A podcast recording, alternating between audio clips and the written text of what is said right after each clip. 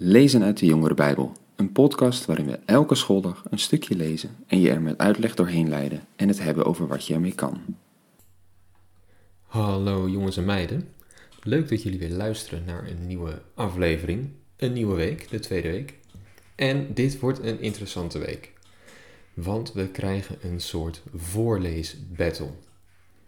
Nienke, mijn geliefde vrouw die altijd zeer supportive is, die meende dat ik wat saai voorlas. En dat zij dat beter zou kunnen. Nou, die uitdaging wil ik natuurlijk wel uitgaan. Dus ik zal vandaag nog met jullie lezen, maar Nienke doet de rest van de week. En aan het eind van de week mogen jullie een kant kiezen. Nee, gekheid. Het gaat natuurlijk uiteindelijk wel om dat we weer een mooi verhaal gaan lezen deze week. En dat gaan we ook doen. En we gaan een bekend verhaal lezen. Het verhaal van Job. Waarschijnlijk ken je het nog wel van de zondagschool. Maar het is een mooi verhaal om eens uit de Bijbel zelf te lezen. Het verhaal gaat grotendeels over de vraag waarom ons eigenlijk nare dingen overkomen. Maar het laat ons ook zien hoe God werkt. En er zitten een paar gekke eh, tafereelen in. Maar daar komen we vanzelf langs. Laten we maar beginnen met lezen. En dat doen we gewoon van in het boek Job, hoofdstuk 1, vers 1. En daar lezen we: In het land Us woonde een man die Job heette. Hij was rechtschapen en onberispelijk. Hij had ontzag voor God en meet het kwaad. Job had zeven zonen en drie dochters. Hij bezat 7000 schapen en geiten, 3000 kamelen, 500 spanrunderen, 500 ezelinnen en een groot aantal slaven en slavinnen. Hij was de aanzienlijkste man van het oosten. Zijn zonen hadden de ruimte, hadden de gewoonte om de beurt een feest te geven, ieder in zijn eigen huis, en nodigden dan hun drie zussen uit om bij hen te komen, eten en drinken. Wanneer zo'n feest voorbij was, liet Job zijn kinderen bij zich komen voor een reinigingsritueel. Hij stond dan s'morgens vroeg op om voor elk van hen een offer te brengen. Want hij dacht bij zichzelf: Misschien hebben mijn kinderen wel gezondigd en God in hun hart vervloekt. En Job deed dit telkens weer. Nou, in dit eerste stukje, daar lezen we iets over Job. Hij wordt geïntroduceerd. En we lezen dat Job rechtschapen was. En dat betekent dat hij goede keuzes maakt. Dat hij zelfs onberispelijk was. Niemand kon hem op een foutje wijzen. En hij maakte niet alleen zelf geen fouten, we lezen ook nog hoe hij zich druk maakt om de fouten van anderen, en wel de fouten van zijn zonen en dochters. Die zonen hielden een goed feest en deden dat regelmatig. En je kan je voorstellen dat het op zo'n feest wel eens erg gezellig kan worden. Waarschijnlijk werd er in die tijd ook veel drank uh, gedronken bier en wijn zijn al vrij oud. Ja, en dan doe je wel eens dingen, of zeg je wel eens dingen, eh, die niet zo handig of niet goed zijn. Dus telkens als er zo'n feest geweest was, dan bracht Job offers voor de eventuele fouten van zijn kinderen. En ja, we hebben dus ook gelezen dat Job rijk was. De aanzienlijkste, de rijkste man van het oosten. Hij had het dus goed voor elkaar. Maar als je dan verder gaat lezen, na dit, deze introductie, krijg je gelijk een bizarre scène.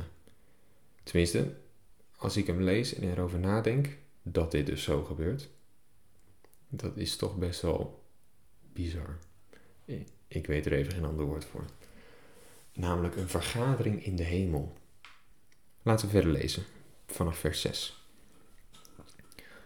Op een dag kwamen de hemelbewoners hun opwachting maken bij de Heer. En ook de Satan bevond zich onder hen. De Heer vroeg hem: Waar kom je vandaan?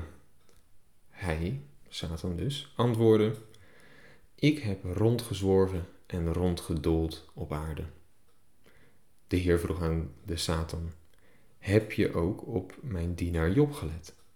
Zoals hij is er niemand op aarde. Hij is rechtschapen en onberispelijk.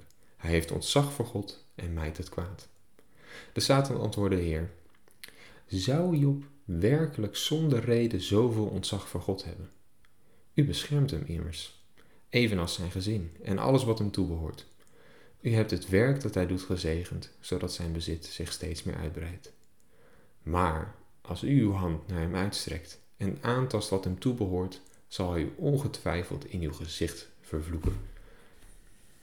Toen zei de Heer tegen hem: Luister, met alles wat van hem is, mag je doen wat je wil, maar raak Job zelf niet aan. Hierop vertrok de Satan. En dit, ja, ik vind dit toch wel een apart stuk. Ik kan me daar niet zoveel bij voorstellen.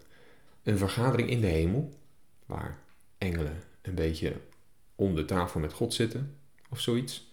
En casual komt de duivel daar even binnenlopen om een babbeltje met God te maken over iemand die op aarde woont. Ja, eh, zouden er denk je meer van dat soort vergaderingen plaatsvinden? Zou God wel eens met de duivel over jou of mij spreken? Ik kan me er niet zoveel bij voorstellen. En misschien moeten we daar ook maar niet te veel over nadenken. Maar het gebeurt in dit verhaal en het gebeurt bij Job. En waarom moet God nou net als hij met de duivel praat over Job beginnen? Want Satan zelf begint niet over Job, dat doet God. En God wist heus wel dat de duivel hem in twijfel zou gaan trekken en zou voorstellen om alles van Job af te nemen. Ja, ik denk dat God dat wel wist. En hij had bedacht dat dit zou gebeuren. En hij stemt ook nog in met het plan van Satan om Job alles af te nemen. Maar in dit stukje zit misschien ook gelijk een goede vraag om vandaag over na te denken.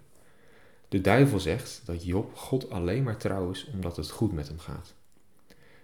Is het ook niet zo bij ons? Tenminste, ik zie heel vaak dat we, wij het als mensen heel goed hebben. Dan is het allemaal prima, vinden we God ook prima. Maar op het moment dat het lastiger gaat, dan komen die vragen van: waar is God? Waarom overkomt mij dit? Waarom heeft God dit bedacht? Is het ook niet bij ons zo dat we makkelijk geloven als het goed gaat, maar moeite ermee hebben als het minder gaat? Dat is een goede vraag om over na te denken. En we zullen de komende dagen zien hoe deze vraag voor Job zelf beantwoord wordt. Nou, dat was hem weer voor vandaag. Morgen mogen jullie dus naar Nienke luisteren. Tot morgen.